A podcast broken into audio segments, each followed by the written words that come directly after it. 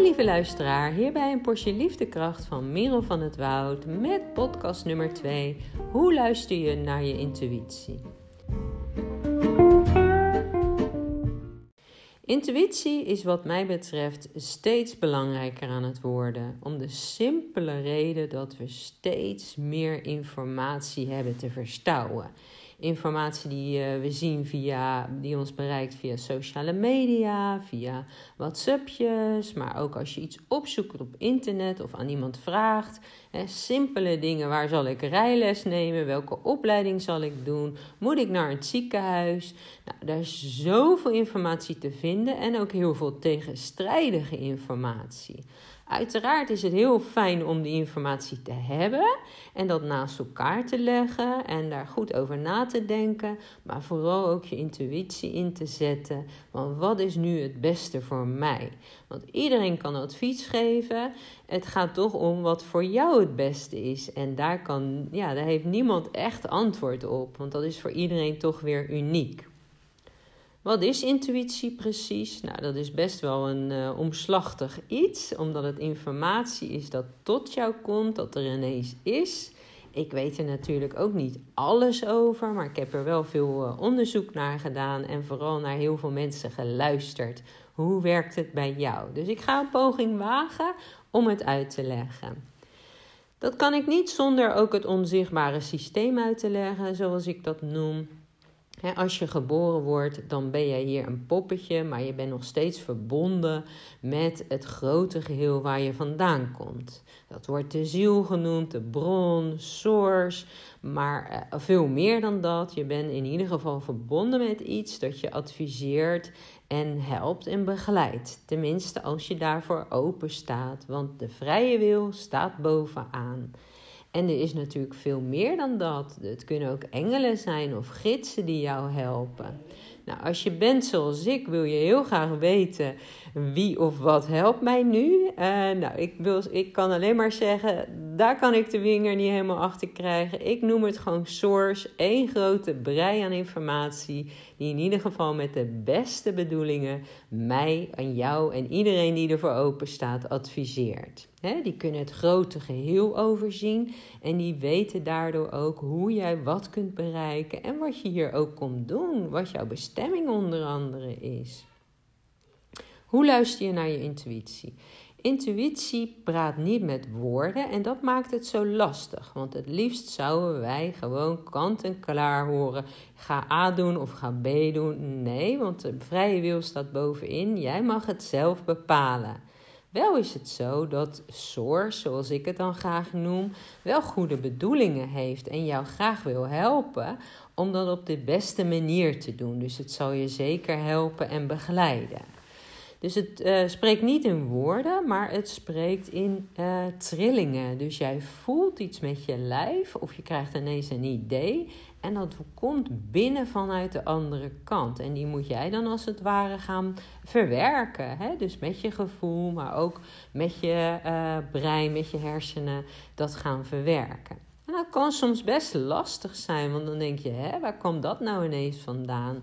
Ik merk vaak dat er een idee er ineens is, dat ik niet echt weet waar het nu vandaan komt. Het kan in een droom zijn of dat ik net wakker word en dan is het er als het ware ineens.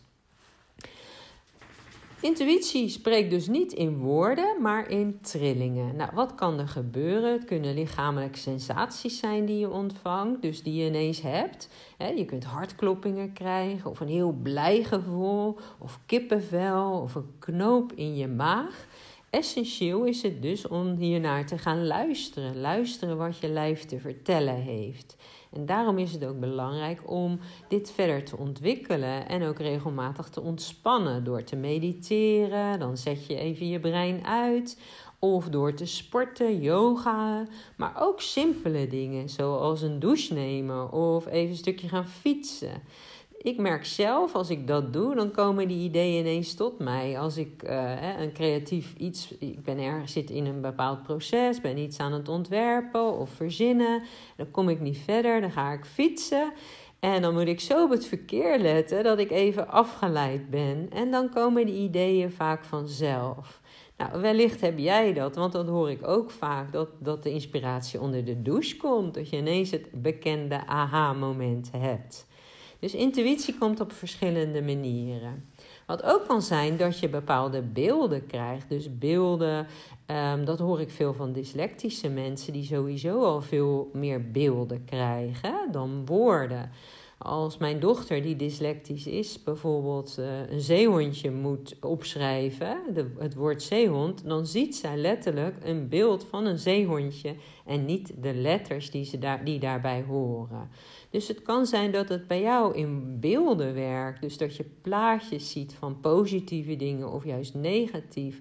Of dat je ineens aan iets denkt of een liedje hoort of ziet uh, waar je ineens aan een bepaalde tekst denkt. ga dat eens onderzoeken. Waar gaat dat liedje eigenlijk over?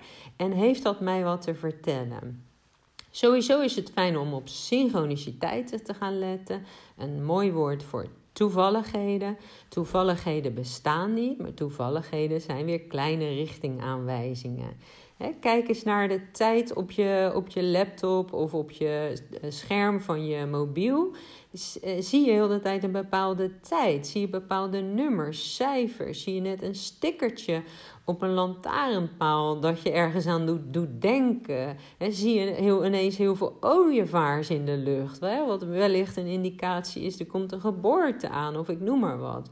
Nou, hoe meer je ervoor open staat, hoe interessanter het eigenlijk wordt. Wordt er niet helemaal uh, geobsedeerd door. Het zijn allemaal richtingaanwijzingjes.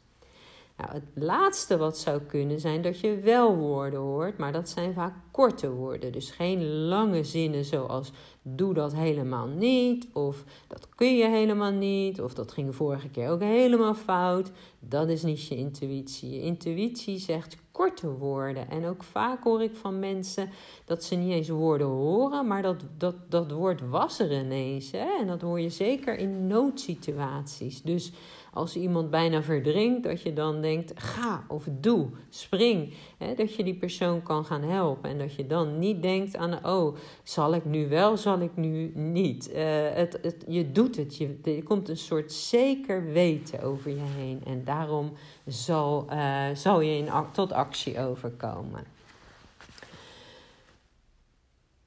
Vraag vooral. Als je je op intuïtie wil richten, dan is het handig om het te vragen. Want nogmaals, jij moet toestemming geven. Eh, de andere kant, het onzichtbare systeem, die helpt jou met alle plezier.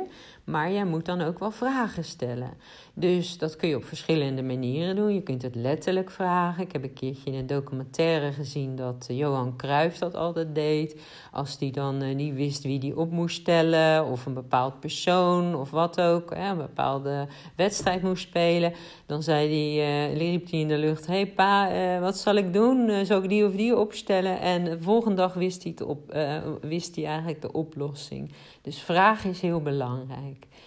Je kunt op een andere manier ook vragen. Gewoon even iets op een blaadje schrijven. Ik heb zelf een groot boek waar ik dingen in opschrijf. En dat is ook heel leuk om dan later terug te lezen. Oh ja, daar was ik vorig jaar mee bezig.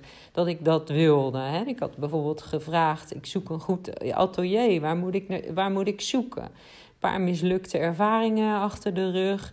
En uh, door juist dat atelier. Uh, dat heb ik gevonden doordat ik uh, op zoek was naar een uh, vakantiereis.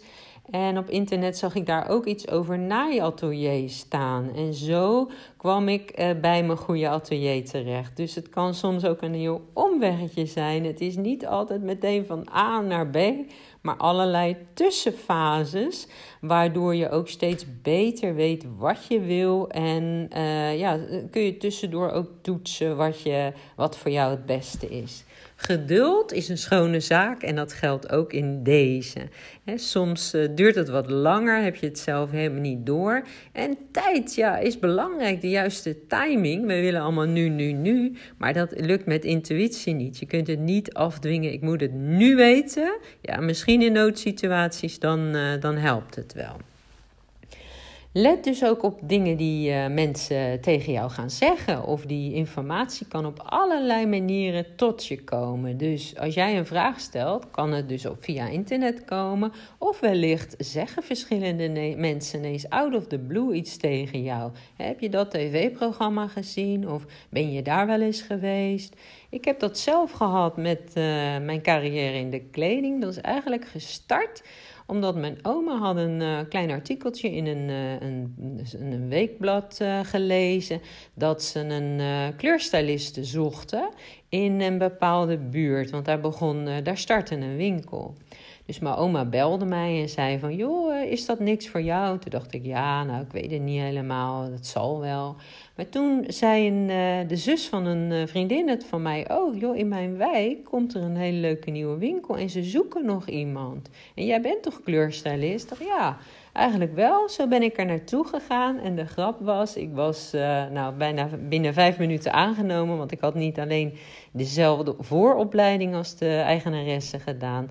Maar ook mijn voornaam, Merel, dat was ook de naam van haar dochter. Dus zo kunnen sommige dingen lopen. En dat is ook een hele leuke verrassing. Waarvan je een soort bevestiging krijgt. Ja, ik moet hier gewoon zijn.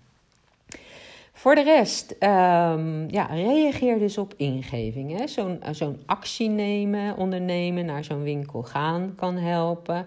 Maar het kan ook zijn dat je ineens denkt, ik heb nu zin om naar de supermarkt te gaan. Of ik moet daar weer eens even gaan kijken.